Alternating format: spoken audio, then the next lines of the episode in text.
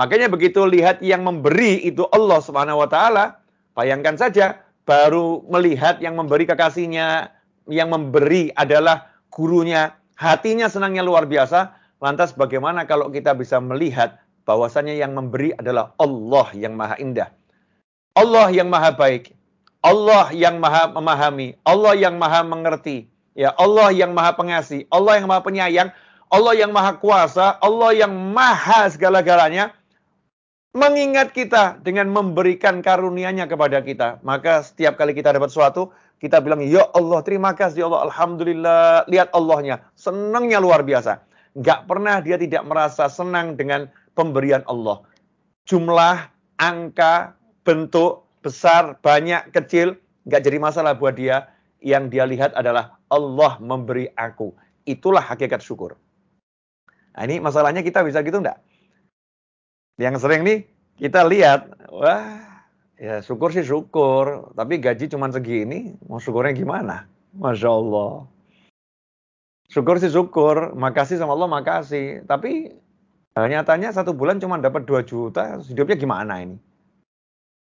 Syukur sih syukur, ya Allah istri baik, maha baik Allah. Tapi ya hidup saya susah begini, Masya Allah. Naudzubillah min. Kita melihat pemberian, makanya hidup kita nggak pernah senang. Gak pernah senang lihat pemberian. Setiap lihat pemberian dibandingkan pemberian yang orang lain, yang dimiliki orang lain, semakin susah hidupnya. Tapi kalau lihat al-mu'ti huwallah, al-mu'ti, Allah yang maha memberi. Yang memberi adalah Allah SWT, pasti akan merasakan kesenangan yang luar biasa. Nah itulah syukur, itu yang pertama kali. Jadi syukur itu mengerti kalau yang memberi adalah Allah. Mengerti yang memberi adalah Allah, maksudnya ya seperti itu. Melihat Allah yang memberi, ya bukan melihat pemberiannya. Kemudian yang kedua, setelah melihat Allah yang memberi, maka menghargai pemberiannya. Contoh saya dikasih hadiah oleh uh, uh, seorang ulama besar. Saya dikasih hadiah ulama besar, dikasih hadiah bolpen. Harga seribu rupiah tadi. Saya akan hargai pemberiannya. Ini pemberian ulama besar tadi. Maka yang harga seribu rupiah ini akan saya jaga, jangan sampai rusak, akan saya pakai sebaik mungkin untuk berkarya, untuk mencatat, untuk nulis, untuk buat karya, untuk membuat buku, semua akan saya gunakan untuk yang menyenangkan orang soleh yang udah memberi saya bolpen tadi. Maka orang solehnya begitu dengar berita itu bolpennya dipakai sama Pak Novel untuk nulis buku, dipakai sama Pak Novel untuk belajar, maka ia pun akan berkata, Bolpen saya dipakai seperti itu ya, kasih dia bolpen yang lebih bagus lagi. Karena dia menghargai pemberianku. Tapi coba kalau bolpen harga seribu rupiah ini kemudian saya sia-siakan, tentu ulama ini tadi kecewa. Bolpen ini saya buang di tempat sampah atau bolpen ini saya gunakan untuk hal yang tidak baik, mencoret-coret dinding orang, ulamanya akan merasa marah. Kenapa pemberian saya tidak dijaga, disia-siakan, dipakai untuk yang nggak benar maka ia akan menghentikan pemberiannya kepada kita. Ia akan marah dan bahkan uh, akan mengatakan kepada orang-orang, jangan beri lagi orang itu eh, yang berharga karena nggak bisa jaga, dia nggak bisa jaga. Nah begitulah terhadap semua karunia Allah Subhanahu Wa Taala. Terhadap semua karunia Allah Taala, kita ketika menerimanya harus betul-betul kita jadikan karunia ini untuk menyenangkan Allah Taala. Nah, dikasih uh, usia nih, bangun tidur. Bangun tidur dikasih nyawa. Itu kan karunia yang mahal ya. Yang ngasih Allah Ta'ala. Sudahkah kita gunakan untuk menyenangkan Allah? Pagi-pagi bilang terima kasih. Alhamdulillahilladzi ahyana ba'dama amatana wa nusyur. Makasih Allah dikasih hidup. Makasih Allah dikasih hidup. Ya Allah, makasih banget dikasih hidup. Senangkan Allahnya dulu dengan mengucap terima kasih. Setelah itu ambil air wudhu, gunakan untuk sholat, gunakan untuk zikir, gunakan untuk uh, mengingat Allah Ta'ala, ya gunakan untuk berbuat kebajikan. Kalau ternyata waktu ini kita gunakan sesuai yang Allah mau, kita gunakan untuk menyenangkan Allah Ta'ala, maka Allah akan jadikan waktu kita bertambah. Waktunya sama 24 jam, tapi dalam 24 jam itu kita akan mendapatkan tambahan. Nah, tambahan ilah yang namanya al-barakah. Waktunya jadi berkembang, jadi berkah. Yang orang lain nggak bisa ngapa-ngapain, kita bisa melakukan 200 aktivitas kebaikan dalam waktu satu jam. Sementara yang lain satu jam nggak bisa ngapa-ngapain. Berkah waktu kita, manfaatnya nambah. Ya kenapa manfaatnya nambah? Karena kita gunakan untuk menyenangkan yang memberi kita waktu yaitu Allah Subhanahu wa taala. Kemudian harta. Kita dikasih harta oleh Allah taala seberapapun nilainya. Sekecil apa pun dalam hitungan angka manusia. Kemudian kita syukuri alhamdulillah Allah kasih saya uang ini. Alhamdulillah Allah kasih saya rezeki ini. Kemudian rezeki ini kita gunakan untuk menyenangkan Allah. Untuk apa? Oh, ternyata untuk menyenangkan pasangan hidup. Oh, ternyata untuk menyenangkan anak. Ya, menyenangkan anak, memberi nafkah sama anak. Ya, kemudian untuk menyenangkan orang tua. Allahnya senang. Ya, Allahnya senang karena apa yang Allah berikan digunakan sesuai yang Allah mau. Maka Allah akan berikan tambahan lagi terhadap harta itu. Walaupun sedikit, walaupun kecil, tapi harta itu akan jadi banyak masuk ke perut anaknya, anaknya jadi sehat, pikirannya jadi cemerlang, anaknya jadi soleh, anaknya jadi nurut, anaknya jadi toat sama orang tuanya, sehingga orang tuanya lihat anaknya senang. Ya, lihat anaknya senang. Kenapa orang tuanya lihat anaknya senang? Karena orang tuanya tadi memberi makanan yang halal, dikasihkan ke perut anaknya, ya, kemudian tumbuh menjadi seorang anak yang baik di jalan Allah Taala. Lihat wajah anak senang. Nah, mungkin kalau kita lihat wajah anak nggak bisa senang, Ya mungkin salah kita sendiri. Nah, ini harta yang Allah berikan ini kita gunakan untuk apa? Untuk didik anak jadi yang baik atau justru mengajarin anak yang kurang baik? Semua kita ajarkan, mungkin Al-Quran nggak kita ajarkan. Mungkin anak kita kita kursuskan semua bahasa, tapi nggak kita kursuskan uh, membaca Al-Quran. Dan seterusnya, dan seterusnya. Itu contoh-contoh saja. Uh, harta ini, eh, kira-kira harta ini udah kita gunakan untuk Allah belum? Untuk Allah bagaimana? Yang halal. Jadi hartanya untuk yang halal. Ya untuk beli makanan, makanan yang halal. Untuk beli produk, ya produk yang halal. Ya untuk menyenangkan orang-orang yang kita punya kewajiban kepadanya. Orang tua kita, kerabat kita, tetangga terdekat kita. Kalau betul kita gunakan untuk itu, maka harta itu akan jadi berkah. Ya, manfaatnya nambah, kemudian juga jumlahnya akan ditambah oleh Allah Subhanahu wa taala. Ini menghargai pemberiannya dengan memanfaatkan untuk taat sama Allah Ta'ala. Itu namanya syukur. Nah, kalau udah kita lakukan itu, itulah kunci tambahan nikmat. La in syakartum la azidannakum wa la in kafartum inna azabi lasyadid. Kalau kalian syukur, pasti aku tambah. Kalau kalian kufur, ketahuilah sungguh uh, azabku sangat pedih. La in syakartum la azidannakum. Kalau kalian syukur, pasti tentu aku akan tambah. Kalau kalian kufur terhadap nikmat, ingat siksaku teramat pedih. Janjinya Allah bukan main-main loh. Allah nggak mengatakan kalau kalian syukur aku tambah. Nggak gitu loh. Lain syakartum, jika kalian syukur, pasti sungguh aku akan berikan tambahan. Sampai Allah ngomong begitu. Ya karena manusia ini e, banyak yang kurang percaya sama Allah. Sampai Allah harus nekan nekankan gitu. Beneran nih, saya tambah gitu loh. Kalau bahasa kita, kalau kamu syukur, beneran saya tambah, beneran saya tambah. Nah, ini berarti yang diajak bicara kan orang yang kurang percaya. Padahal Allah yang ngomong gitu. Allah yang yang ngomong dan terbukti dalam kehidupan ini kita naudzubillah min dzalik sadar nggak sadar kita kurang percaya pada janji Allah taala sehingga kita takut untuk bersyukur, takut untuk membagi yang kita miliki dengan orang lain, dengan uh, sekitar kita, baik itu uh, apa namanya harta, baik itu uh, ilmu, baik itu uh, ke, uh, kekuasaan yang Allah titipkan kepada kita, kita kadang takut ya untuk baginya kepada orang lain, takut memberikan kepada orang lain, takut berkurang. Mana malun min sodakoh bal yazdad bal yazdad bal Tidak mungkin harta yang disedekahi itu berkurang. Justru kata Nabi SAW, harta yang disedekahi itu akan bertambah dan bertambah dan bertambah. Ilmu. Saya dengan mengajar nggak pernah ilmu saya kurang. Yang ada dengan mengajar saya selalu dapat tambahan ilmu. Karena uh, syukurnya salah satu bentuk syukurnya ilmu diajarkan. Pengamalannya itu dengan mengajarkan. Semakin diajarkan semakin nambah. Kemudian duit. Ya, semakin saya pakai untuk menyenangkan orang banyak, semakin banyak yang saya dapat. Semakin besar yang saya bagikan, semakin besar yang saya dapat. Karena Allah akan beri rezeki sesuai dengan dengan ladang kita. Kalau ladangnya kecil ya dapatnya kecil. Kalau ladangnya besar ya Allah kasih besar. Nah kalau kita udah pasang niat ya, saya mau berikan ke fulan sekian, fulan sekian, fulan sekian, niatnya udah bagus-bagus. Kemudian dapat kita mulai bagi ke sana dan ke sini, maka Allah akan kasih yang jauh lebih banyak dari apa yang kita niatkan. Sebab sedikitnya itu kebaikan dibalas 10 kali lipat. Itu paling sedikit. Jadi cara yang paling mudah untuk mendapatkan tambahan nikmat adalah dengan mensyukurinya. Nah, ikhwani rahimakumullah, terlampau banyak yang nikmat yang kita dapat, tapi kenapa kok kita susah? Kan aneh. Maaf, simple. Susahnya cuma gara-gara satu urusan kecil. Gak punya duit. Ya Allah, gak punya duit susahnya seumur uh, setahun gak hilang-hilang. Padahal punya mata yang sehat, punya telinga yang sehat, punya mulut yang sehat. Ya, punya iman pula, punya iman, punya Islam. Tapi nggak punya duit kok susah. Kenapa itu ya? Sampai seperti itu. Berarti nggak bisa melihat nikmat yang ada di diri. Nikmat yang banyak ini nggak bisa dilihat. Berarti nggak nggak melihat Allah Taala. Nggak melihat bagaimana mabayanya Allah. Ya makanya dibuat susah.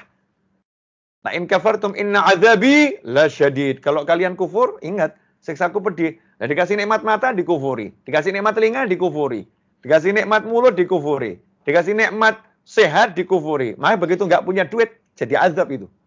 Jadi akhirnya suntuk luar biasa lewat nggak punya duit. Azabnya di situ. Ya. Na'udzubillah min, min dhalik. Tapi kalau kita terbiasa mensyukuri semua yang yang diberikan Allah Ta'ala karena melihat Allah yang memberi. Masya Allah, tangan yang bisa bergerak, mulut yang bisa berbicara, mata yang bisa melihat, telinga bisa mendengar, ini semua nikmat yang nggak terkira. Kalau diuangkan berapa itu?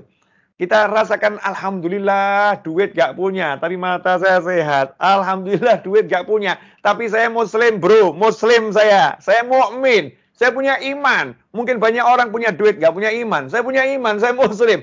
Wah ini kekayaan yang bahal. Terima kasih Allah. Nah karena terbiasa mensyukuri nikmat-nikmat yang besar, nikmat duit itu nikmat yang kecil. Nikmat harta itu nikmat yang paling kecil. Dikatakan dalam sebuah hadis, Dua rakaat sholat sunnah fajar khair minat dunia ma fiha. Dua rakaat sholat sunnah fajar lebih baik daripada dunia dan segala isinya. Dua rakaat sholat sunnah fajar lebih utama daripada dunia dan segala isinya. Nah orang-orang yang betul-betul bertakwa, beriman pada Allah Ta'ala, maka tidak akan pernah merasa susah begitu nggak punya duit. Kenapa? Karena hati udah diisi dengan kekayaan oleh Allah Ta'ala. Dia bisa merasakan kaya dengan penglihatannya, bisa merasakan kaya dengan pendengarannya, bisa merasakan kaya dengan imannya dan Islamnya. Tapi ada banyak orang yang punya Islam, punya iman, punya mata, punya tangan, punya kaki, punya mulut, punya sehat. Gak bisa merasakan semua itu. Kenapa? Gak bisa merasakan semua itu. Karena dia tidak mensyukuri yang Allah berikan. Sehingga dengan sedikit saja. ya Kurangnya nikmat dunia. Bukan gak dapat dunia loh. Bukan gak dapat dunia. Dapat dunia cuma dikurangi sedikit nikmat dunia oleh Allah Ta'ala. Hidupnya hancur, berantakan, rasanya gak enak semua rasanya nggak nyaman hidupnya. Ya naudzubillah min min dzalik. Ikhwani rahimakumullah. Ya, alhamdulillah saya udah bicara kurang lebih selama 20 menit, entah terasa entah tidak terasa. Ya, selama 20 menit saya udah udah bicara uh, menjelaskan tentang cara mendapatkan tambahan. Jadi cara mendapatkan tambahan adalah dengan mensyukuri yang Allah beri, dengan melihat pemberinya Allah semuanya ya disyukuri. Cuman kadang kita ini kan syukurnya kalau dapat duit. Kalau nggak dapat duit nggak syukur. Ini nggak nggak happy dengan badan sehat tuh kan heran saya. Oh badan sehat kok nggak senang. Mau minta senang dengan apa lagi itu? Punya Islam kok nggak bisa senang. Mundung terus, suntuk terus. Tanya kenapa kamu nggak punya duit? Loh, kamu muslim bukan muslim? Loh, emang itu keislamanmu sama duitmu mahal mana? Kan mahal keislamanmu. Kenapa kamu suntuk gitu? Kalau kamu senang dengan keislamanmu nanti itu duit yang kamu nggak punya akan dijadikan punya oleh Allah Taala. Karena kalau syukur pasti ditambah. Pasti nggak mungkin nggak. Yang jadi yang jadi masalah itu cara pandangnya nih loh. Cara pandangnya kok ke duit terus ya. Kok nggak ke ke iman, ke Islam, ke tubuh yang sehat, ke pikiran yang jernih. Kok nggak ke sana? Kok lihatnya duit? Seakan hidup itu duit gitu loh. Seakan-akan segala-galanya itu duit, harta. Padahal itu nikmat yang paling kecil. Ya nikmat yang paling kecil. Karena harta itu nikmat yang gak ada artinya oleh Allah Ta'ala. Buat Allah nggak ada artinya. Makanya yang kafir dikasih harta. Yang nggak iman dikasih harta oleh Allah Ta'ala. Allah nggak peduli. Itu nggak ada artinya. Recehan tuh. Nih ambil, ambil, ambil. Tapi yang mukmin sama Allah Ta'ala diingatkan gitu.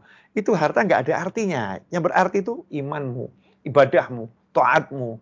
Kamu akan dapatkan kenikmatan yang luar biasa, luar biasa di situ. Saya akan ambil contoh sebagai penutup. Pemuda-pemudi yang baru saja menikah. Pemuda-pemudi baru saja menikah duduk di tepi pantai. Kemudian keduanya itu mohon maaf ya, uh, saling berpelukan di tepi pantai. Nggak ada orang lain di situ. rumahnya kebetulan di tepi pantai. Dia keluar dari rumahnya di terasnya berpelukan. Temanten baru ini. Makannya cuma makan ketela rebus. Suap-suapan. Dia katakan nikmatnya luar biasa. Dua-duanya nggak punya duit. Maka dia mengatakan kasihan orang-orang itu ya. Nggak merasakan seperti yang kita rasakan. Kalau baru nikmatnya menjadi temanten baru saja bisa menyebabkan keduanya berbangga diri, walaupun nggak punya duit, ya aku punya kamu, senangnya luar biasa. Lawang kita ini punya iman kok masih bingung gitu loh. Kenapa bisa ngerasain itu? Nah ini kan ada masalah yang besar di hati kita, harus kita perbaiki. Harus kita buang nih rasa cinta sama duit sama dunia ini dibuang. Dibuang, diusir dari hati kita biar kita bisa merasakan nikmatnya punya yang punya jagat raya itu, punya alam yang luar biasa Allah kasih kita nikmat segini banyak kok nggak bisa dirasakan kan berarti kita sakitnya. Nah ini harus kita lihat apa penyebabnya. Ternyata simple. Dunia itu termasuk dapat dimasuk ke terlampau dimasukkan ke dalam hati. Naudzubillah min min dzalik. Jazakumullah khairan. Mudah-mudahan berkah manfaat. Waktu saya kembalikan kepada akhina uh, moderator. Mudah-mudahan yang saya sampaikan ini bisa menjadi renungan khususnya untuk saya dan untuk siapa pun yang menyaksikan tayangan ini. Walafuminkum. Wassalamualaikum warahmatullahi wabarakatuh. Waalaikumsalam warahmatullahi wabarakatuh. Jazakallah khairan Habib. Nah, ini sudah masuk beberapa pertanyaan. Siap. Ini dari Pak Zulfikar. Assalamualaikum Ustadz, semoga Ustadz dan Ikhwan Fillah selalu dalam lindungan Allah Subhanahu wa taala dalam menghadapi ujian di masa pandemi ini. Amin. Afan Ustadz mohon izin ada tiga pertanyaan. Uh, yang pertama, bagaimana cara menyikapi kemajuan teknologi dan media massa yang menyebabkan orang jadi terkontaminasi godaan kehidupan yang cenderung hedonisme. Mohon tipsnya cara filter agar tetap bisa menikmati hiburan tanpa terkontaminasi gaya hidup hedonisme tersebut, Ustaz. Terima kasih. Uh, ini saya mau jawab, tapi mungkin nggak enak jawabannya. Tapi mudah-mudahan manfaat. Jangan pernah menyalahkan yang di luar kita. Karena mata-mata kita, mulut-mulut kita, hidung-hidung kita, telinga-telinga kita. Jadi simpel saja toh. Kalau kita nggak mau terkontaminasi, ya matikan TV-nya. Selesai. Udah, nggak usah nonton. Emang nggak enak ya, tapi saya butuh hiburan. Ya kalau butuh hiburan, ya sudah lihatnya pakai iman. Kalau lihatnya pakai iman kan nanti sering matiin TV itu. Wah nggak cocok sini, nggak cocok ini. Sering matiin. Sampai akhirnya lihatnya yang sesuai imannya. Oh, channel YouTube Habib Novel terus cocok nih tonton ini. Nah, insya Allah nggak terpengaruh sama uh, apa kemajuan teknologinya dimanfaatkan untuk belajar bareng di channel YouTube Habib Novel terus. Oh, channel YouTube-nya Ustadz Abdul Somad. Oh, channel YouTube-nya Nahdlatul Ulama. Oh, ini channel-channel YouTube yang uh, mengajarkan ilmu ini, channel YouTube-nya Pondok Pesantren ini. Nah, tinggal kita tuh, remote-nya di tangan kita kok. Eh, semua inilah ya la haula wala quwata billah. Tapi kita bicara masalah kendali diri kita ini kan bukan di orang lain. Jadi jangan salahkan yang di luar. Kitanya. Simple kok. Uh, ada orang mengeluh sama saya. Ini repot anak saya ini main uh, handphone terus gimana? Enggak repot ya. Ambil handphonenya selesai. Bapaknya kamu. Bapaknya kamu. Anaknya teriak. Ya biar teriak. Enggak apa-apa. Teriaknya paling satu menit, dua menit. Paling lama satu jam. Maksimal 24 jam. Setelah itu kan anak pandai pandai apa menghibur diri. Lebih pandai daripada bapaknya anak itu. Ya, kitanya berani tidak dinutup mata, kitanya berani tidak matikan. Ya. Grup WhatsApp-nya, ini grup WhatsApp-nya buat saya pusing. Oh, dibuat pusing kok masih ada di grup itu. Ya, selesai. Tapi saya nggak enak, ya udah nggak usah dilihat. Kalau saya keluarga enak, ya udah usah keluar, nggak usah dilihat, kan selesai masalah. Jadi jangan salahkan grup WhatsApp-nya, kendalinya di kita loh. Ini kita suka kebiasaan tuh menyalahkan yang di luar tuh. Tunjuk sana, tunjuk sana, tunjuk sana, tunjuk sana. Padahal semua di diri kita. Jazakumullah khairan. Baik Habib. Nah, yang kedua, melanjutkan pertanyaan tadi. Kadang orang yang baru sembuh dari perawatan di rumah sakit justru bersyukur ke dokternya dan lupa bersyukur kepada Allah Subhanahu wa taala apakah hal ini bisa terjebak dalam kesirikan? Ya, makasih. Uh, Rasulullah SAW, lam yashkurin nas, lam yashkurillah. Berkata baginda Muhammad SAW, siapa yang tidak berterima kasih kepada manusia yang berbuat baik kepadanya, maka dia tidak diterima syukurnya oleh Allah Ta'ala. Dia belum bersyukur pada Allah Ta'ala. Jadi syarat syukur sama Allah itu kalau berkaitan dengan manusia, ya harus terima kasih sama manusianya. Karena manusia-manusia ini dipakai sama Allah untuk mendatangkan nikmat buat kita. Ya, justru kalau emang habis sembuh dari sakit, ya terima kasih sama dokternya harus besar Makasih Pak Dokter, jazakumullah khairan Pak Dokter. Semoga itu bentuk syukur sama Allah Subhanahu wa taala itu bukan musyrik, memang harus gitu. Harus seperti itu. Jangan kemudian mengatakan Pak Dokter ya, maaf ya, yang nyembuhin saya bukan Pak Dokter, yang nyembuhin saya Allah taala. Jadi saya hanya mau berterima kasih sama Allah. Ini bukan muslim yang baik ini, ini salah ajaran kalau begitu. Nah, salah ajaran, tidak tahu belajarnya di mana. Kalau belajarnya yang betul ya, terima kasih pada Allah itu letaknya di dalam hati, Kemudian wujudnya kalau itu dengan manusia mengucapkan terima kasih kepada manusia sebagai wujud melaksanakan perintah Allah Subhanahu wa taala dan sebagai wujud Allah menunjukkan perhatian yang luar biasa sehingga Allah kirimkan makhluk-makhluknya untuk menghibur kita, makhluk-makhluknya untuk menyenangkan kita, makhluk-makhluknya untuk menolong kita. Itulah wujud syukur yang sebetulnya dengan ucap jazakumullah khairan. Terima kasih. Lanjut. Insyaallah. Nah, Habib. Yang ketiga, uh, orang yang tidak pernah mengeluarkan zakatnya, apakah juga menjadi penyebab rizkinya tidak berkah sehingga tidak pernah puas dengan apa yang selalu didapatkan dan kehidupan rumah tangganya juga tidak bahagia? Ya, makasih. Tidak semua orang wajib zakat. Ya, tidak semua orang wajib zakat. Ada orang yang wajib zakat, ada orang yang berhak terima zakat. Nah, orang-orang yang masuk kategori wajib zakat yang sudah diatur dalam syariat ketentuannya, kalau dia tidak mengeluarkan zakatnya, maka nggak bersyukur terhadap hartanya. Jadi wujud syukur yang paling nomor satu itu kalau dikasih kelebihan harta yang memang ada kewajiban zakat di situ, sampai pada halnya nisabnya, maka wujud syukur wajibnya. Ada syukur wajib, ada syukur sunnah itu. Syukur wajibnya adalah dengan mengeluarkan zakat, syukur sunnahnya dengan sodako. Nah kalau kemudian dia tidak jalankan kewajiban zakatnya, maka ya dia mendapatkan imbasnya, hartanya nggak barokah. Gak berkahnya harta ini bisa macam-macam. Kalau digunakan untuk memberi makan anak, beri makan pasangan hidup, ya, ya menyebabkan tadi nggak ada nurnya, zulmah, kegelapan. Nah kalau gelap, ya bisa jadi macam-macam. Bukan hanya rumah tangganya nggak bahagia, hidupnya nggak akan pernah puas, hatinya akan gelap. Yaitu imbas daripada tidak mengeluarkan zakat. Sampai dikatakan uh, wafatnya pun naudzubillah min dalik. Ya, bisa meninggal dalam keadaan su'ul khotimah. Naudzubillah min min. Makasih. Baik Habib, jazakallahu khairan atas pencerahannya di dari tadi dari Bapak Zulfikar. Nah, ini melanjutkan ke Ustaz, pencerahannya Ustaz. Jazakallah Pak. Baik, uh, melanjutkan ke Pak Heri.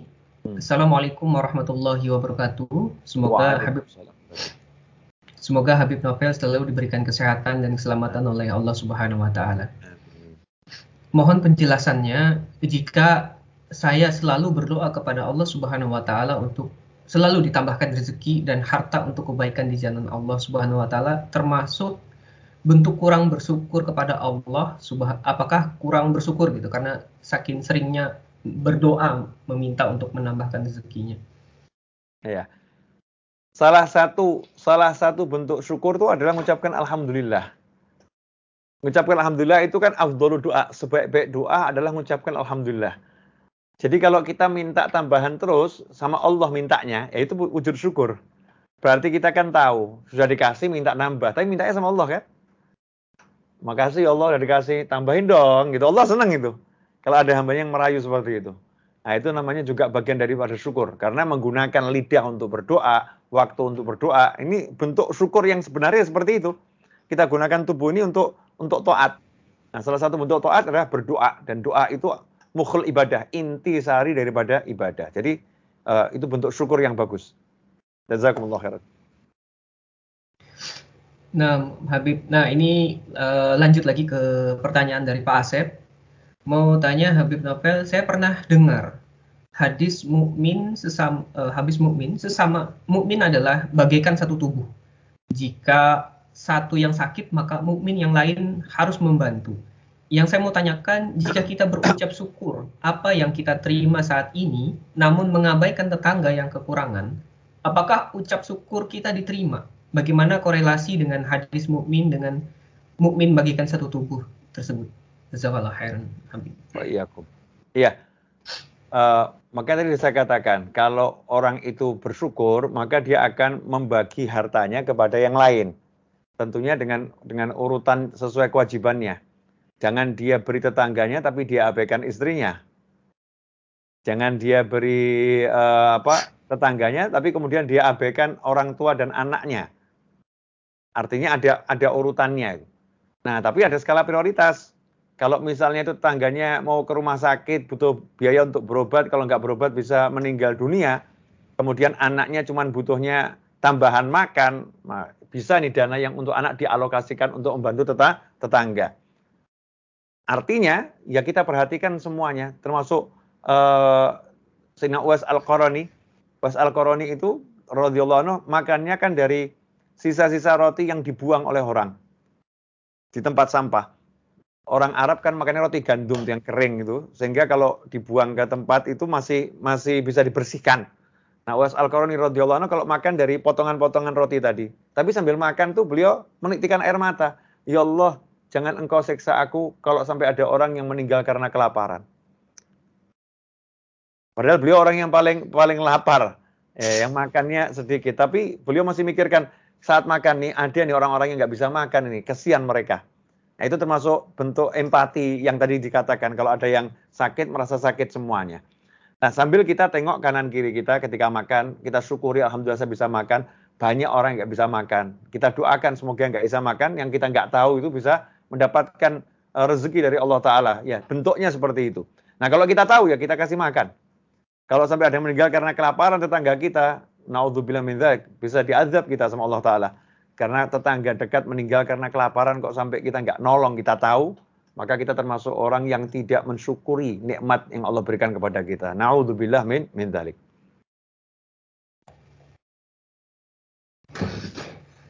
Nah, Habib, uh, ini masih menunggu pertanyaan lainnya.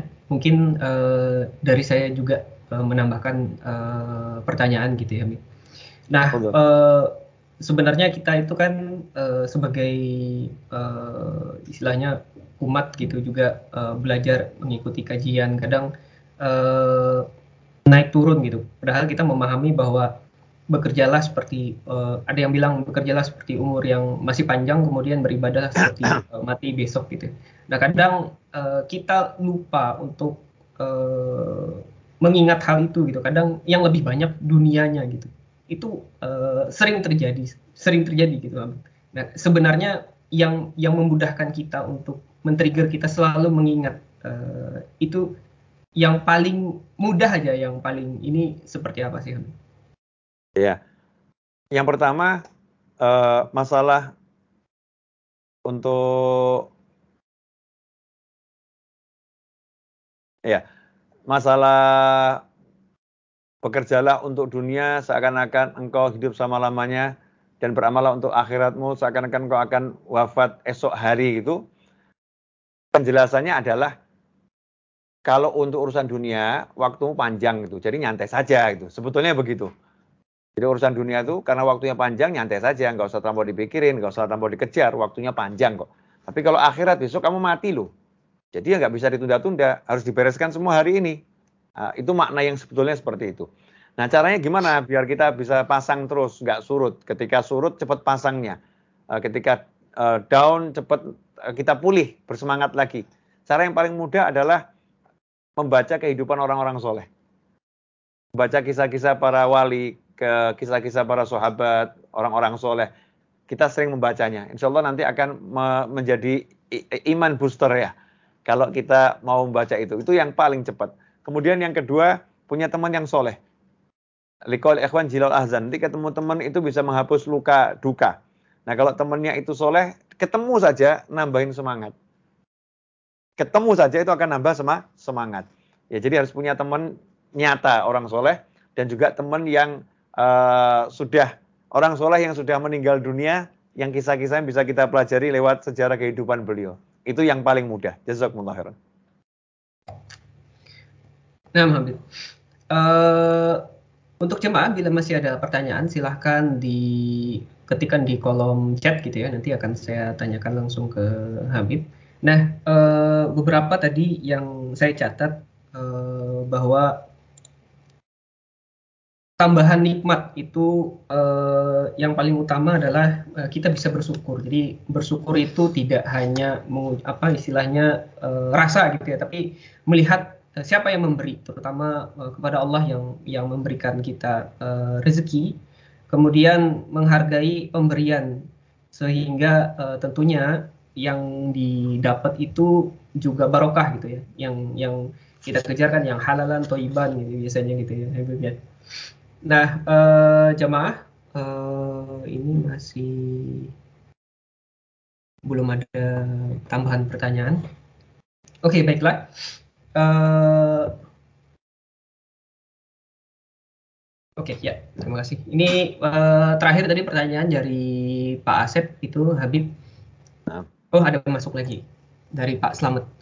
Uh, izin bertanya Habib, jika uh, terhadap pemberian kita akan mudah mengucapkan alhamdulillah untuk menunjukkan rasa syukur, tetapi ketika kena musibah hampir kecelakaan, kita ternyata seketika sulit untuk bersyukur. Ini uh, common problem ini. ya, makasih. Nah, pemberian itu ada dua memang sebetulnya. Ada pemberian yang tampaknya enak, ada pemberian yang tampaknya nggak enak. Kalau saya bilang bungkusnya jelek, Ya, bungkusan jelek. Jadi saya mau kasih hadiah orang, sama-sama kasih hadiah emas. Yang satu emas nyata, yang satu emasnya saya sembunyikan di dalam kardus, yang kardusnya saya bungkus kardus lagi, ya kemudian saya bungkus lagi dengan duri dan lain sebagainya. Maka ketika orang yang terima kelihatan emas langsung bilang terima kasih. Tapi yang terimanya itu kelihatan ada durinya, ada ini dia nggak tahu dalamnya emas. Dia akan apa ini? Saya kok dapat seperti ini? Dia kemudian buang. Nah, ditemukan orang lain, apa ini? Dibuang durinya, dibuang kardusnya, ternyata dalamnya emas. Uh, aku temukan emas. Begitu pula karunia Allah Ta'ala. Jadi ada karunia Allah Ta'ala yang besar, ya yang besar, itu sama Allah dibalut dengan bentuk musibah. Misalnya orang, nah untuk belum kita tidak boleh minta yang gitu ya, tapi kalau terjadi itu mikirnya gitu. Uh, orang kok tabrak tadi misalnya, kakinya patah ini kan kelihatannya nggak enak ini, kakinya patah, ketabrak. Padahal saat dia ter tertabrak e, motor atau apa pun itu, kemudian kakinya patah, saat itulah Allah sedang menghapuskan semua dosanya yang kalau dia istighfar nggak kehapus-hapus. Dan bahkan dia mungkin nggak sempat istighfar. 20 tahun istighfarnya mungkin cuma berapa ratus kali. Begitu ditabrak sama motor, musibah itu menghapuskan semua dosanya. Kalau dia tahu itu kan mestinya bilang terima kasih dia. Ya Allah, terima kasih. Dosa saya sudah terhapuskan. Tapi memang ini susah gitu karena wujudnya lahiriahnya kelihatan nggak enak. Makanya kita disuruh berpikir yang positif. Husnudzon sama Allah Ta'ala. Kalau ada yang nggak enak terima kita suruh nyari. Ini bungkusnya emang nggak enak. Isinya apa ya? Nah kita belajar cari isinya. Jangan suka ngelihat kulitnya. Nah sering kali kita lihat kulitnya doang tapi isinya nggak diperhatikan. Sehingga kehilangan isinya tapi mendapatkan kulitnya nggak enak kan rugi. Ya sudah nggak enak nggak dapat apa-apa gitu kan. Nauzubillah min min dzalik. Jazakumullah khairan diingatkan tadi. Uh, mudah-mudahan jadi tambahan ya kita perhatikan isinya jangan kulitnya. Terima kasih. Jazakallah khair Ustaz. Pak Iyakum. Oke, pertanyaan dari Mbak Mia selanjutnya. Assalamualaikum Habib, semoga Habib dan keluarga selalu dalam kesehatan. Dalam kesehatan. Amin. Bertanya, kapankah kita harus berintrospeksi atau bertobat ketika mendapat ujian nikmat atau musibah jazakallah amin kasih. ya ini sekaligus saya uh, izin untuk menjawab sebagai pertanyaan yang terakhir karena setelah ini mau ada uh, tugas ngajar lagi mohon maaf tidak bisa uh, memberikan waktu sampai satu jam mungkin sekitar 45 menit saya bisa bicara ini sudah 41 menit karena saya ada tugas ngajar santri-santri yang virtual. Mudah-mudahan apa yang saya sampaikan barokah. Cara introspeksi diri kapan itu? Jawabannya sebetulnya ya ada banyak waktu. Bisa eh, kalau biasanya orang dianjurkan setiap mau tidur. Setiap mau tidur itu evaluasi dari mulai pagi sampai malam itu apa yang didapatkan dari dari yang enak maupun yang nggak enak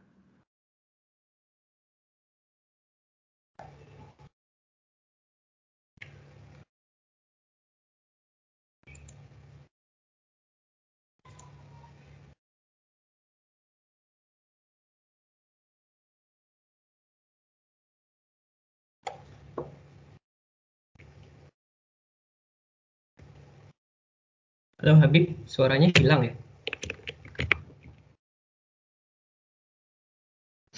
Suaranya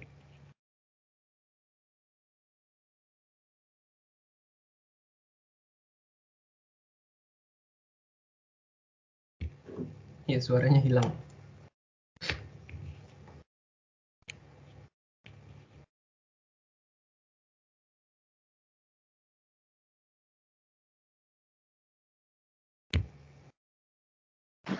Ya. Alhamdulillah. Ya, makasih. Tadi baterainya habis. Nah, ini ini contoh langsung ya, contoh langsung. Ketika tadi mic itu terhenti, suara nggak ada, karena tim IT udah terbiasa. Kalau mic berhenti, suara nggak ada, cek baterainya.